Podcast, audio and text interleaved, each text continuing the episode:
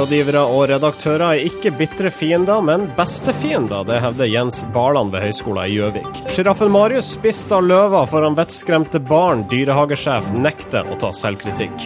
Og musikere fra Nord-Korea kommer til Bergen for å tolke Torbjørn Egner.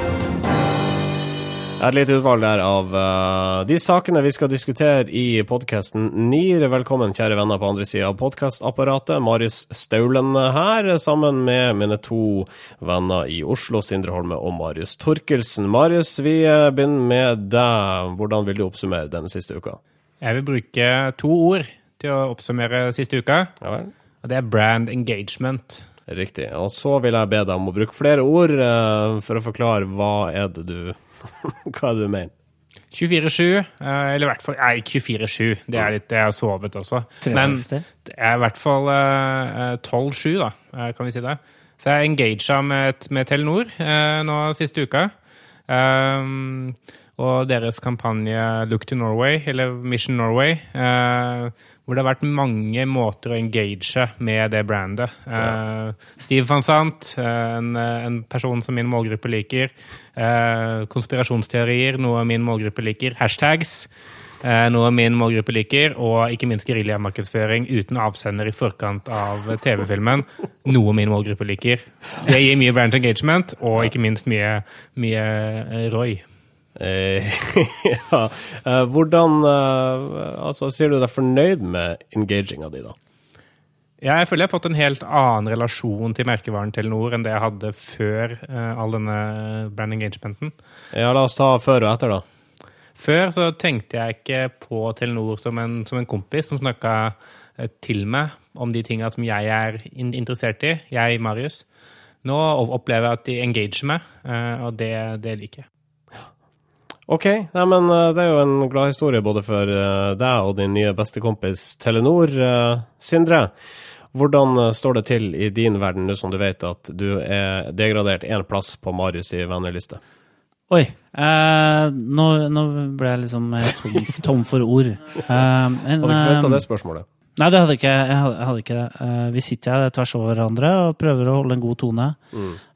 Det hjelper ikke på når du kommer med sånne stikk, da. Ja. Jeg, jeg, sånn, Den siste uka så har jeg mentalt vært i tropene. Uh, uh, nærmere bestemt i Sotsji, hvor jeg har vært litt sånn glad for å se hvor bra TV 2 lager sportsjournalistikk. Kanskje det er fordi at det er lettere å lage sportsjournalistikk når man trenger å være kortere tid på lufta enn det NRK måtte, uten reklame. Jeg syns de har henta inn bra folk. da. Jeg liker liksom Stian Blipp, som står nede i snowboardområdet og, og er litt kul, da. Uh, Istedenfor NRK-sportsjournalister eh, som uh, egentlig ikke kan vet hva snowboard er, eh, som må prøve å ta på seg en kul eh, hettejakke for å se ut som en av kidsa. Rullebrett uten hjul. Og så syns jeg det hadde vært, uh, ja, det hadde vært kult å, å høre at eh, den herre Eh, kåserisjangeren innenfor sportsjournalistikk endelig har, har liksom funka på norsk. Da. Eh, for svensk TV har jo alltid vært veldig flinke med sånn kåserier eh, eh, på sport, men NRK har vært helt jævlig dårlig alltid. Det har alltid vært sånn derre Ole Einar Bjørndalen. Mann, maskin, Bjørndal. Ja, ok, greit. greit, greit, greit. Men, I motsetning til hva da? I motsetning til TV 2, da, som har henta inn Frode Grytten, som uh, virkelig er jo uh, poet. Altså, han kan jo han kan jo uh, snakke på en troverdig måte. Eller en bra det, det, er kvalitet, da. Det blir ikke klisjé og liksom uh, forsøk på poesi. Altså, sportsjournalistikk og poesi er kanskje det mest Altså, det, du kommer ikke I utgangspunktet så er det ikke noe som er lenger fra hverandre. Så du er fornøyd med TV 2? Ja, jeg er kjempefornøyd med TV 2. Ja. veldig kort fortalt. ja, det er jeg er ikke sikker på, du. Vi har eh, allerede tisa dagens sending, og vi setter i gang NIR episode 59. Norske informasjonsrådgivere.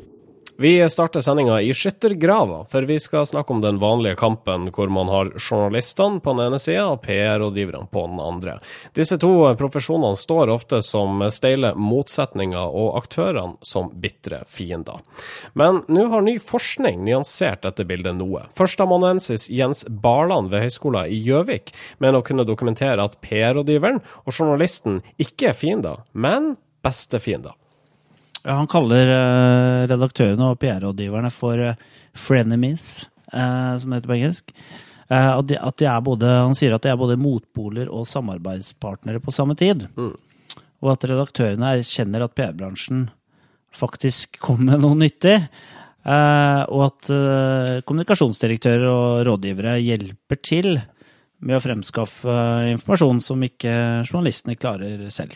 Redaktørene ser jo det at mye av det stoffet som ender opp i avisene, er jo eh, vært innom noen kommunikasjonsfaglig eh, lærde, på en eller annen måte, om det er PR-byrå eller kommunikasjonsrådgivere ansatt i virksomheten, og at det gjør jobben for journalistene enklere, fordi de får infoen de trenger, de får tall og fakta som gjør saken enklere, og de får til og med fine bilder. Um, og så ser de også det at når, det faktisk, når de prøver å grave fram en sak, og de har noe dritt på noen, eller eh, mistenker at noe galt har skjedd, da er jo eh, disse kommunikasjonsrådgiverne ganske kjipe å ha med å gjøre, fordi da er det jo de du møter, og ikke de som faktisk har gjort det. Og det er lett å forklare seg bort fra det. Vi er portvoktere på godt og vondt, vi. Vi er portvoktere og portåpnere, tenker jeg. Altså, ja. Alt ettersom når det passer oss. Det er jo bra at Redaktørforeningen gjennomfører en sånn undersøkelse. fordi at i en undersøkelse så kan man jo være anonym, og da er det lettere å, å, si den type ting enn det er for åpen mikrofon i media, f.eks. At Nakkim skal si at nei, PR-rådgivere, feiende, flotte folk, det, det, kan du på en måte ikke forvente. Mm. Eh, fordi at der, der har du, han vil ikke få noe dekning, eller ryggdekning, da, fra andre. Eller han vil, eh, vil ikke tro det, i hvert fall, at han kan få det. Eh, men der, med en sånn undersøkelse så, så, vil man jo kunne bare si at, ta opp temaet og si at ok, la oss nyansere dette her. Og det jeg tror at den eh, undersøkelsen her faktisk kan få debatten rundt PR-rådgiverne og deres rolle i samfunnet eh, over på et litt mer konstruktivt spor, da. Det er i hvert fall lov å håpe. Og så er det mer troverdighet forbundet med en undersøkelse utført blant redaktører enn dersom en eh, slu PR-rådgiver går ut og hevder det samme, kanskje. Ja, og jeg syns det er interessant at uh, Barland bruker det språklige bildet mann og kone, eller gammelt ektepar, om liksom dette forholdet. Eh, for jeg lurer på liksom hvem som er hvem. Om, eh, om eh, PR-rådgiveren er liksom litt sånn masete kone som ah, 'Hvorfor kan du ikke skrive mer om, om Statoil?' 'Du er aldri hjemme og skriver om, om Lego.' Ah. Og så er han sånn Åh, slutt å plage meg. Altså Innimellom så kommer han hjem og vil bare ha en middag klar på bordet og slippe liksom, å gjøre noe sjøl. Mm. Og da står uh, kona eller PR-rådgiveren klar med en uh, gryteklar, sak. gryteklar sak. Så det er bare for han å sette seg ned ved bordet og ete. De holder jo en viss avstand til hverandre, journalistene og PR-rådgiverne. Det er jo ektepar som har vært sammen lenge også. Ja, det er jo det. De sover gjerne i hver sin seng, ja. uh, har hver sin varmeflaske som de som varmer dem, ikke, ikke hverandres kropper. Felles, men, ja, ikke sant? Mm. Ellers er de separert, men uh, en og annen gang, hvis det blir en ekstra, ekstra fuktig kveld, så ligger de med hverandre. ja, jeg tror, du, du, kan si at det er, det er litt som uh, det er i hvert fall Forholdet mellom eh, PR-rådgiver og redaktør er i hvert fall bedre enn Woody Allen og Mia Farrow. Det vil vi vel kunne si. Den referansen den later som jeg tok. De er, de er omtrent sånn. Oh, det gikk rett over hodet på meg òg, gitt. ok. Ikke, men, uh, men, du må ta altså. Jens Barland han avdekker noe som uansett er tilfellet her. Det betyr at uh, norske redaktører og journalister inni seg, i sitt stille sinn, erkjenner uh, nytten av PR-rådgivere i støyta, og benytter seg av PR-rådgivere i støytene. Det er bare det at de ikke tør å si det offentlig. Ja, det er for så vidt sant. Altså, det, det, er jo et altså Journalisten er avhengig av å måtte klare å opprettholde sin uavhengighet på en måte, for, å, for å opprettholde troverdigheten. Altså, hvis det har vært helt tydelig hvor mye de hjelp de får av eh, PR-rådgiverne, så er det så det svekker kanskje liksom troverdigheten overfor leseren igjen. Da. Mm. Så, så, det er jo viktig for integriteten til alle egentlig at eh, det virker som om forholdet er verre enn det der. Vi trenger journalistene, vi òg, da. Ja, altså nå har vi jo content marketing. Da kan vi skrive alt sjøl. ja, det er sant, det.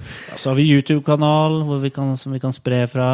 Ja. Mm. Vi har Twitter med liksom, noen følgere. Vi har brand engagement vi kan bruke. ja. 360-strategier. Ja. Mange virkemidler i PR-rådgiverens eh, verktøykasse. Skal vi eh, gi en tommel opp eller tommel ned for avsløringa av eh, relasjonen mellom mediene og PR-bransjen? Jeg gir tommel opp, jeg. Tommel opp for det. Norske informasjonsrådgivere.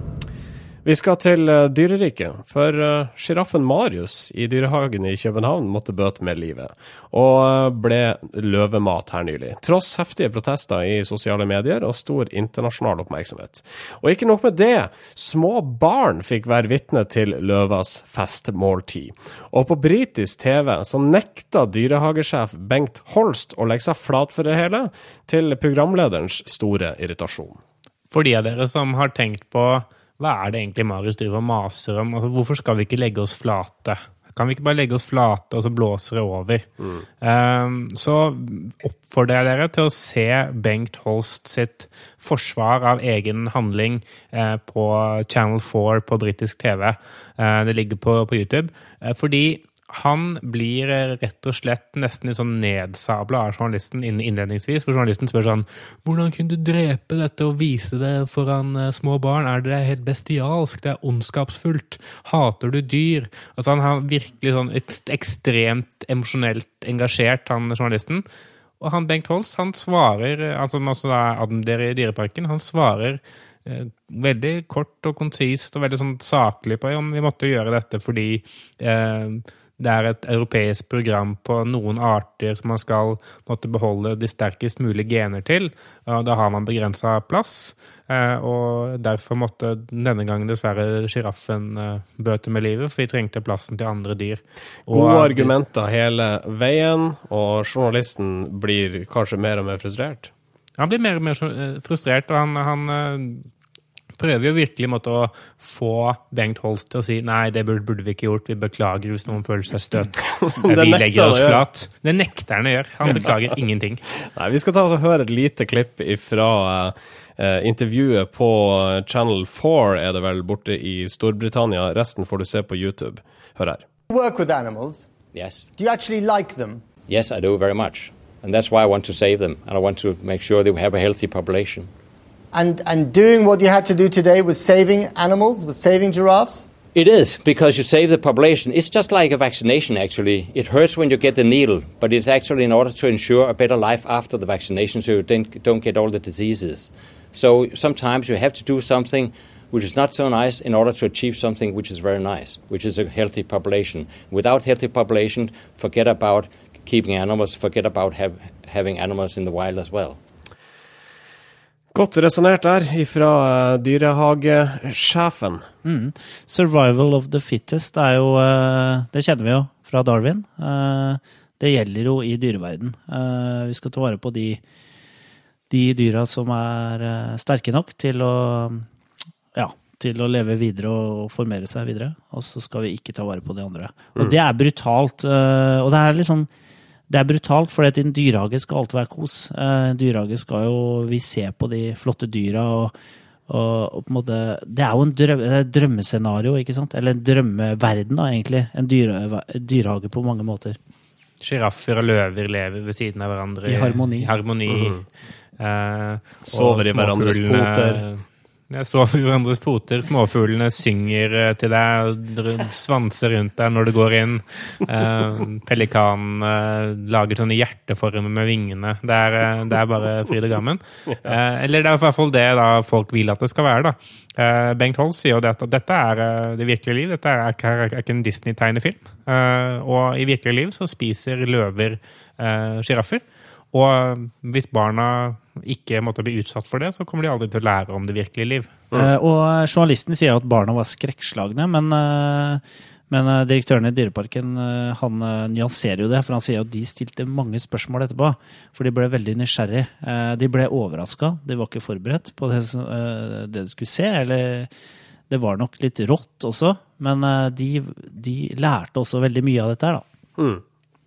Så uh, tommel opp eller tommel ned for ærligheten og uh, argumentasjonen til Bengt Holst i møte med hysterisk Nå legger jeg ordene i munnen deres, hører jeg. Hysterisk programleder. Ja, en klove opp herfra. Ja, tommel opp. Norske informasjonsrådgivere. Da skal vi uh, til reklamebransjen, som knapt var representert under Social Media Days. Så skriver Ida Fjellbråten i Sachi og Sachi i en kommentar i kampanje. Og Fjellbråten ytrer bekymring rundt dette, og mener det er en fare for at bransjen hennes nå blir hengende bakpå i de sosiale mediene. Ikke fordi at de ikke kan sosiale medier, men fordi kundene deres tror de ikke kan det. For reklamebransjen er ikke med i diskusjonen om sosiale mediers fremtid, men henger heller med seg sjøl. Ja, sånn har det blitt. Eh, jeg vet ikke hvorfor det er sånn, om det er et norsk fenomen eller ikke. Men det er sant det at reklamebyråene de er ganske fraværende når sosiale medier, kanalene, diskuteres eh, på social media days og, egentlig i offentligheten. Det er egentlig ikke mange De er ganske fraværende. Men uh, vi syns kommentaren er interessant, fordi den setter fingeren på, på nemlig et Eh, tema som eh, er veldig underkommunisert, og det er jo at reklamebyråene trengs. For skal man lage bra ting i sosiale medier, så trenger man reklamekreativitet. Det er jo uansett viktig også å nyansere dette litt og si at selv om reklamebyråene ikke kommer på social media day, så betyr ikke det at de ikke jobber med eh, social media. Eh, eller sosiale medier. Eh, og det, altså, det, er jo kanskje også litt sånn den standingen social media days har i reklamebransjen. Det kan jo like mye handle om det. At uh, reklamebransjen ikke opplever det som en relevant arena å være på opp mot andre arenaer. For det er jo unektelig også en, en litt sånn type gruppe mennesker som jeg opplever at går på social media, som er mange av de som har mange følgere på Twitter, eller ønsker å få mange følgere på Twitter, og har, e, e, har blogger og har uh, Facebook-sider. Um, og ikke nødvendigvis uh, først og fremst uh, reklamebransjen i utgangspunktet ellers måtte ha vært initiativtakere bak det, bortsett fra selvfølgelig Nils Petter Norsgaard, som jo er uh, alt mulig rart. Mm, så folk på social media days er ikke nødvendigvis de som er mest kreativt, men i svært mange tilfeller de som kanskje roper høyest, og med det får en del oppmerksomhet i sosiale flater som Twitter og Facebook? Ja, det kan det være. fordi i Norge så har jo sosiale medier virkelig slått gjennom som kundeservicekanal, kanskje først og fremst. Uh, og det er der vi har uh, norske merkevarer har en del gode caser. Og det er jo en litt sånn kjedelig del av kommunikasjonspaletten. Uh, det å drive kundeservice, det å snakke med kundene liksom, og holde, holde praten varm. og det er litt sånn underkommunisert, det her, det kreative behovet. Noe som før jul så la jo Facebook om algoritmen sin, noe som gjør at uh, det er vanskeligere for merkevarer, uh, kjeksprodusenter, melkeprodusenter osv., å bli synlig i feeden din. Før så var det et snitt på 16% av det At man traff 16% av følgerne sine med et budskap. Nå er det mye lavere. det har droppa veldig, hvilket betyr at du må være enda mer interessant for å Eh, bli synlig for følgerne dine. Og det mener jeg, det syns jeg er en soleklar oppfordring til reklamebyråene om å lage, komme opp med noe fett da, mm. som gjør at jeg bare For det, vi er altså eh, sant? Eh, sosiale medier har blitt regnet som en fortjent kanal, men jeg mener hvis vi ser en kul reklamekampanje av typen Old Spice på YouTube, så ser vi, den selv om det er betalt, det er ikke fortjent uh, kommunikasjon, men vi ser det allikevel, så lager du noe kult nå, relevant noe, spennende, nyttig, underholdende, så er det kult uansett. Mm. Jeg, jeg, vil nesten komme med et sånn bold statement jeg, for å av, avrunde litt. Så kan, kan jeg gjøre det? Ja, vær så god, gjør det. Ja, gjør det. Jeg vil nesten, Nå må ikke folk eh, altså, bli for irriterte og for oppsikts... Eh, altså, at det må ikke vekke for, for mye oppsikt, da. Ta det med en klype salt. Men jeg vil nesten gå til det skrittet og si at content is king.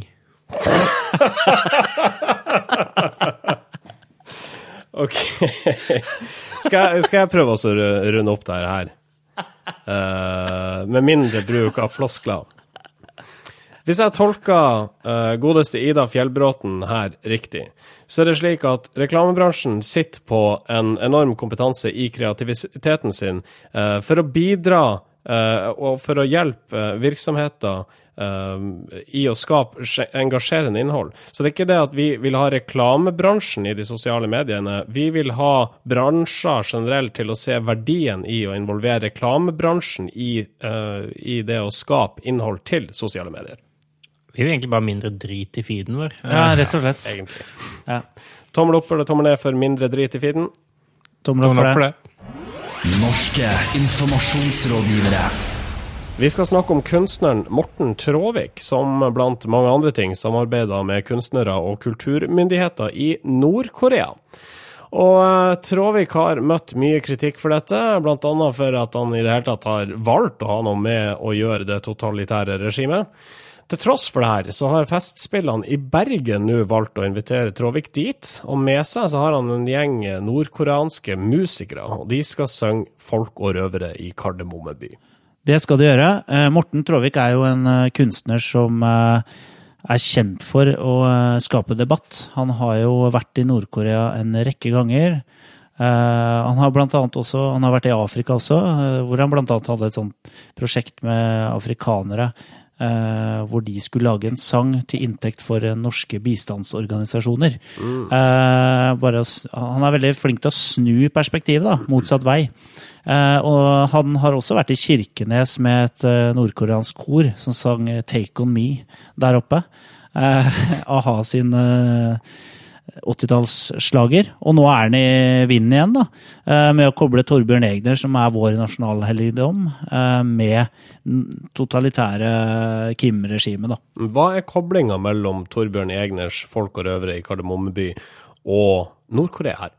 Nei, altså, for det første er det viktig å huske at eh, Nord-Koreas allmektige leder har jo skapt alt godt og alt populært.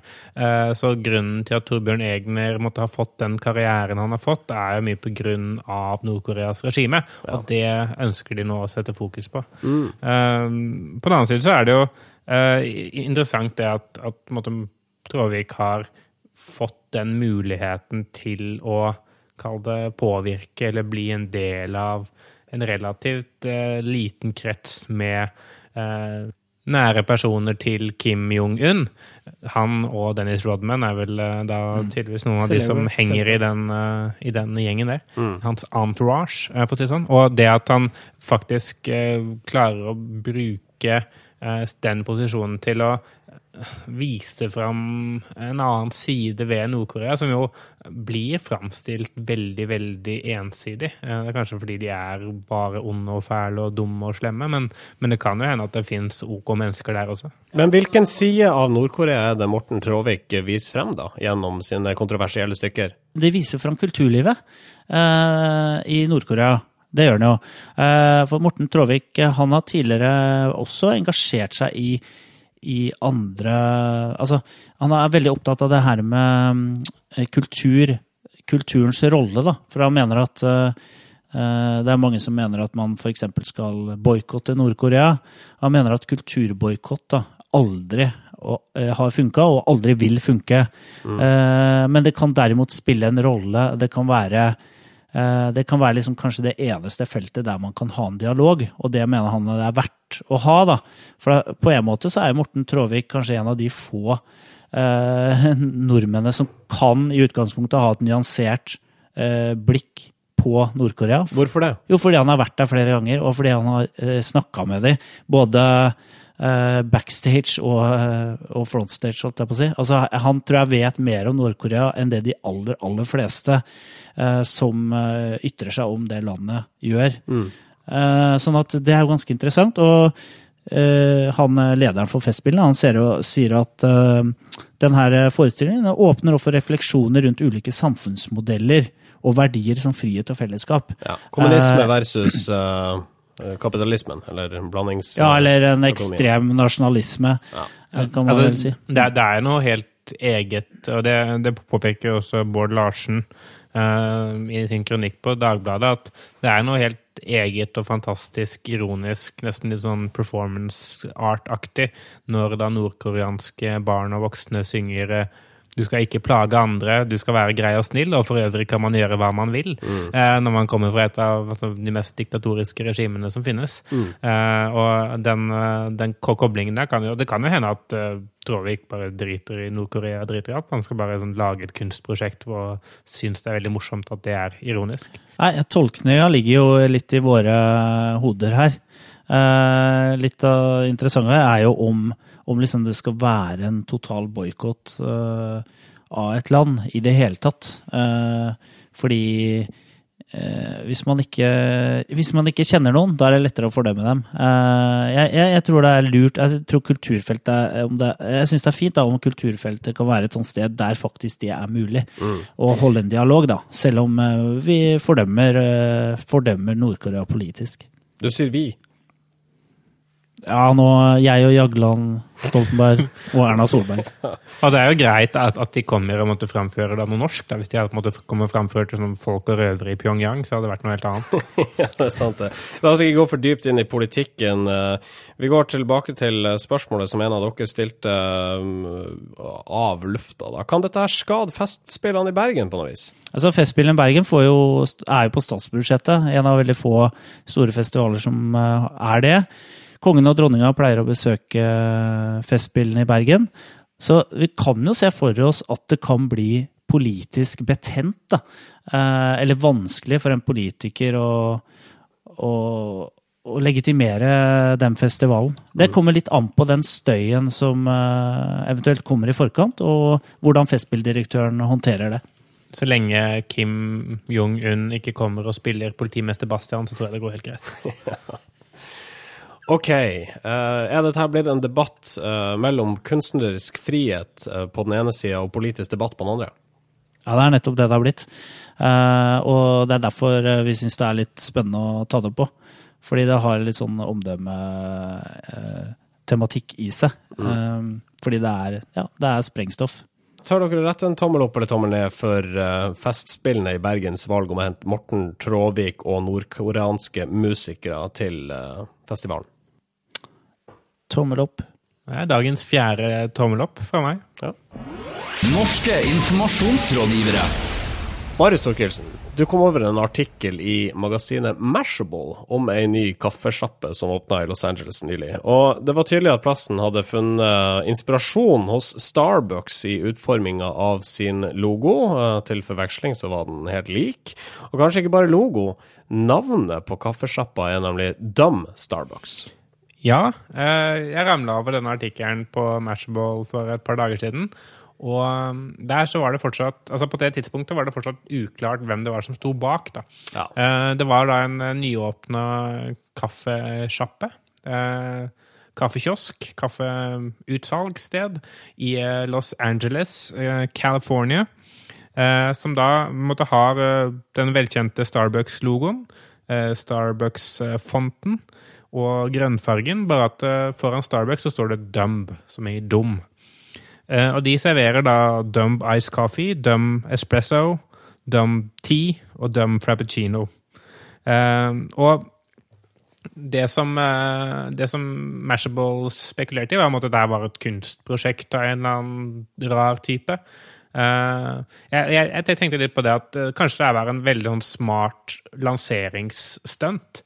Altså fordi de, de som måtte da lanserte dette, visste jo sannsynligvis at de kom, kom til å bli saksøkt av Starbucks, som ble nødt til å fjerne det. Og kanskje kjeden bare skulle hete Døm. da. Og da er det en veldig sånn fin måte å få oppmerksomhet på. Sindre, hva tenkte du da Marius presenterte denne saken? Jeg tenkte Jeg syns det var en veldig merkelig sak. Eh, Jeg tenkte at dette er nok ikke Starbucks lekne nok til å ha gjort sjøl, tenkte jeg. Eh, For så mye selvironi har de ikke. Nei, så mye selvironi har det ikke. Så jeg tenkte at det her er nok antageligvis en kunstner som står bak. En kunstner som står bak. Enten en kunstner eller et um, nyoppstarta kaffeselskap som ønsker gratis PR og et søksmål.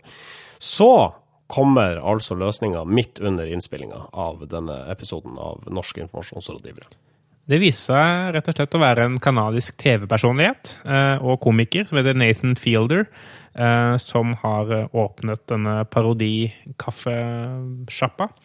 Og han har, nå har han jo vært nødt til å stenge den igjen, da, fordi de ble jo saksøkt av Eller ikke saksøkt, for de fikk en oppfordring om å, om å stenge den fra Starbucks. Mm.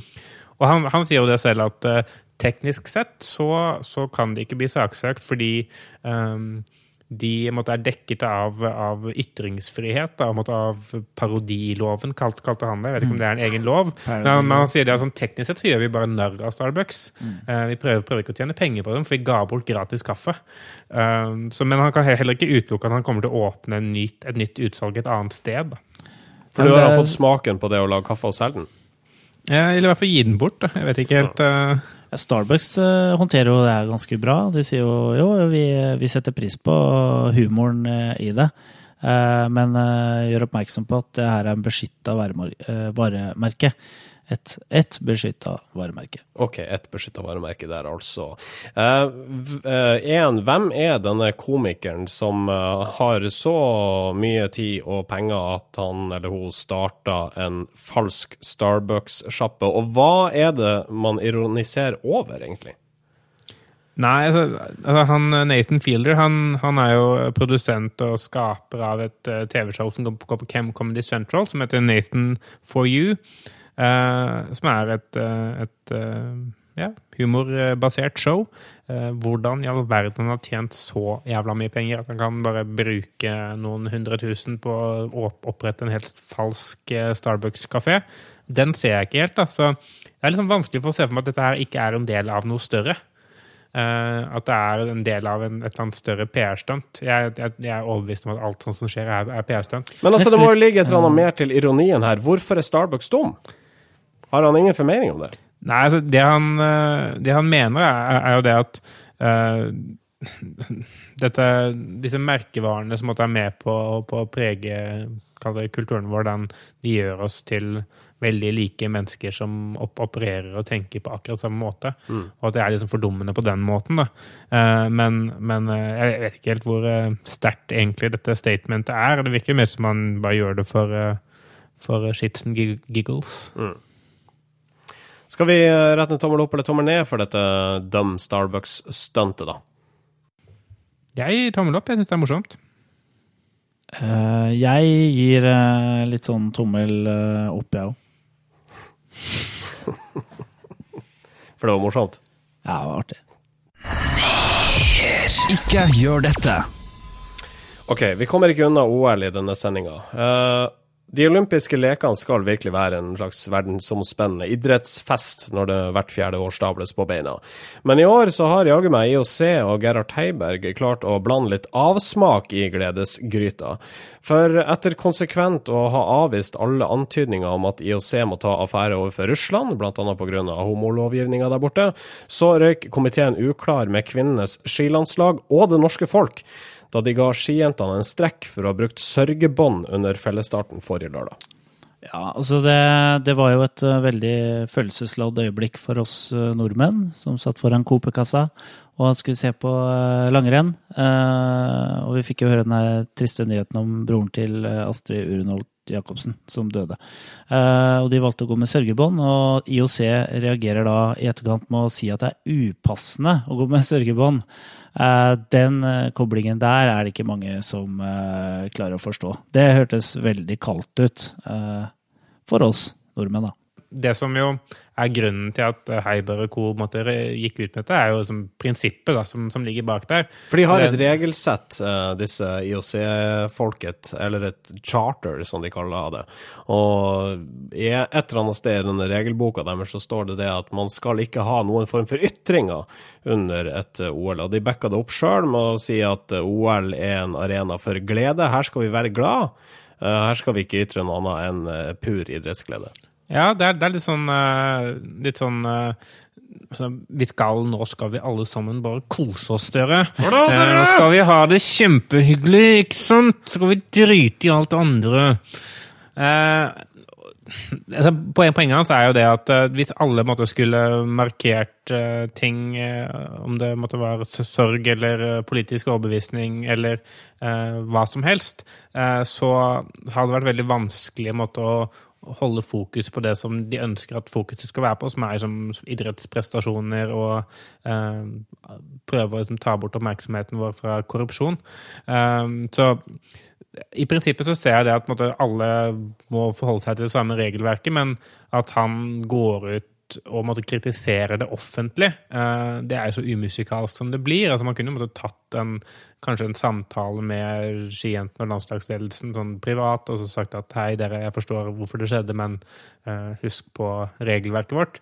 Men når man faktisk går ut offentlig og måtte kritisere dem for det, så, så fortjener man all den pepperen man får. Mm. Du sier han her, og refererer da til Gerhard Heiberg, eh, antar jeg. Og han har moderert seg nå i senere tid? Ja, han, eh, han har moderert seg. Han, han, sier jo det at uh, det var mange sitater som måtte komme ut som uh, har blitt røra sammen på en måte som han ikke mente. Og han syns også at det var uheldig at det ble så mye bråk som det ble. Og så sa han selv om han personlig ikke har noe problemer mot at de brukte sørgebånd, så, så, står det i IOCs regelverk, og som IOC-representant så kunne han ikke la være å reagere. Det kunne han jo. ja, hun kunne det. Hun kunne bare latt være. Sagt nei, lot være. Ja. Det har blitt en sånn kunstig problemstilling. For jeg hørte også Thomas Ganke, som er sånn idrettshistoriker i Norge, som sa at ja, tenk om alle land skulle få lov til å gå med sørgebånd når det passet seg for dem. Det er 204 land med i IOC. Altså, jeg har aldri hørt om at sørgebånd har vært en problemstilling. Eh, at det har vært liksom gått inflasjon i sørgemarkeringer på fotballstadioner, bobløp, eh, akebakker, eh, snowboard, halfpiper eller landhockeybaner. Nei, det, det, er sant, det. ja, det er sant. Og, og så må, må, vi jo rette oppmerksomhet mot en, en aksjon vi har pågående på, på, Facebook nå. Vet ikke om du vil si noe om det, Sindre? Jo, der, eh, der samler vi jo nå inn eh, penger i, eh, i vårt NIR-fond. En nyoppretta NIR-fond. Vi, vi kommer, det kommer nok til å være aktiv mange ganger fremover. Men denne gangen her så så er det rett og slett en fadderaksjon, hvor du kan eh, bli fadder for et IOC-medlem, eh, og da donere penger eh, via vår konto i Sveits, sånn at de får råd til medietrening. Ja, Og det er tommel opp for! Ja, det er tommel opp. til oss. Ja. Ikke gjør dette til IOC. Ukas kudos. Og kudosen denne uka går til Twitter-kontoen Lillehammer1994. Ikke bare hvorfor det, men også hva er det? Lillehammer1994, at Lillehammer1994, det er en Twitter-konto som tar for seg eh, alle hendelsene fra OL på Lillehammer i sanntid. Eh, så det betyr at de tvitrer da eh, ting De begynte 1. februar, altså da faktisk eh, forberedelsene til OL på Lillehammer fortsatt foregikk i 1994. Mm. Og begynte å tvitre ting måtte, fra eh, VG-sporten f.eks. 94 i oppbygningen, og måtte tvitre en del hendelser som skjedde. da, eh, Som om den Twitter-kontoen faktisk skulle ha eksistert den gangen. Mm. Og det finnes jo en del sånne type sanntidskontoer som det er en fra andre verdenskrig, blant annet, og eh, det er mange sånn, forskjellige som er eh, ganske kjedelige. Denne her har vi lyst til å trekke frem fordi den er ganske morsom. Eh, både fordi den er, den er, godt produsert, altså det er måtte, nøyaktige fakta, og de henviser til en del ting som måtte sto i avisen og sånn den gangen, som er sånn nostalgisk å se, se tilbake på. Og fordi de har noe sånn skråblikk på vår tid. da. Det er bl.a. en tweet fra 7. februar hvor de skriver det at dersom vi har regnet riktig, vil dette være åpningsdatoen for OL i 2014. Lurer på hvilke grener de har da? Kvinneskihopp, kanskje? Hashtag humrer. Ja, for hashtag lol var ikke oppfunnet på den tida. Nei, det var, de lolla ikke den. Nei, de bare humra ute på, på Lillehammer. Den kontoen her er sånn veldig fin sånn tidsånd Eh, den tar liksom uh, tempen på tidsånden, da. Hvordan eh, vi nordmenn så på oss selv. For det er klart, vi trodde at under OL på Lillehammer, som jo Nord-Europa var opptatt av, så, så tenkte vi at liksom, da var alle blikk retta mot Norge. Og her da, er det en som, her tvitrer de om, om åpningsseremonien. De som husker det, kan jo huske noen sånne eh, små troll som dansa ut på, på, åpningsseremonien. Ja, og her tvitrer dere i går visste jeg ikke hva vetter var. Nå er jeg like stolt av vettene som av Ibsen, Grieg, Munch og Nansen til sammen. Fantastisk! Ja, den er. Eh, og så må jeg si at jeg føler meg litt sånn eh, når jeg leser den konten her, så, så, så får jeg en sånn, eh, dårlig følelse, for det gikk jo så dårlig på, med OL-hockeyen. Det endte jo så dårlig at uh, Bengt Fisken Olsson, som var liksom svensk trener og, og skulle liksom få norske hockeylaget til å hevde seg skikkelig, da. Han fikk jo kasta en sånn torsk etter seg på isen. Jeg husker jeg, siste kampen. Eh, så de vekker jo sånne ganske fryktelige minner også. for noen. Men eh, i sum morsomt. Kudosen går altså til eh, Twitter-kontoen krøllalfa Lillehammer 1994. gratis. Norske informasjonsrådgivere. På tampen av sendinga så vil jeg ta med at politiet i Salten nå har fått sin egen Twitter-konto, omsider. Eh, har da lært av Oslo politidistrikt. Og de rapporterer om hendelser her i distriktet. Og jeg har annet lært i dag at to menn stjal sko i Bodø sentrum. Politiet fant disse to mennene eh, etter et kvarter, og disse satt da og drakk øl. Er anmeldt, og skoen er levert tilbake. Det er bra tiltak. Det er jo det er en veldig glad, fin historie. Altså det at eh, ting som er borte, dukker opp igjen sammen med øl. Det, altså, det er ikke alle forunt, det. Nei, Det, altså, det. det minner meg på, på en vits, uh, hvis dere har lyst til å høre den. Ølrelatert. ja. Det var eh, to menn som satt på en togperrong, og så sier Nei, jeg begynner på nytt. Det var to fylliker som satt på en togperrong. Og så sier den ene til den andre Toget er godt. Og så sier den andre Ja, men øl er mye bedre.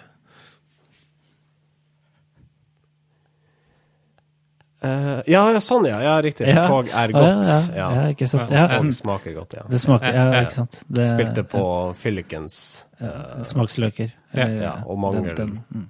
Uh, på forståelse. Rundt at godt kan eh, peke til forskjellige ting. Utrolig Ja. fint å kunne tolke vitsen etterpå. Ja, ja. Mm. ja men det var en eh, bra vits, den. Eh, Takk. takk.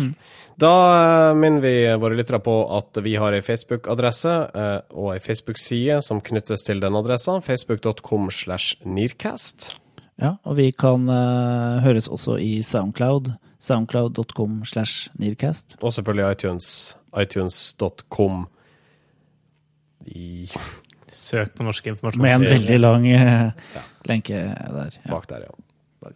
Og du kan sende oss e-post, e-brev og e-brevdue på Mm. nearcast.yahoo.com. ja. Uh, det var vel egentlig det. Har vi flere ting? Du prata som om det skulle være noe som fulgte der. Ja, jeg, jeg, jeg, det følger jo noe. Jeg bare tok en kunstpause. Eh, for du kan også lese annet om oss på kreativtforum.no. Og der kan du også lese om flust av andre kommunikasjonsrelaterte Podcast. topics. Ja. ja. det var Sånn var det. Da takker vi for oss. Takk for at du lytta til oss, kjære lytter. Vi er tilbake om ei uke, og mitt navn er Marius Skjerve Staulen. Sindre Skjerve Holme. Marius Fred Tørkelsen. Ha det godt. Norske informasjonsrådgivere.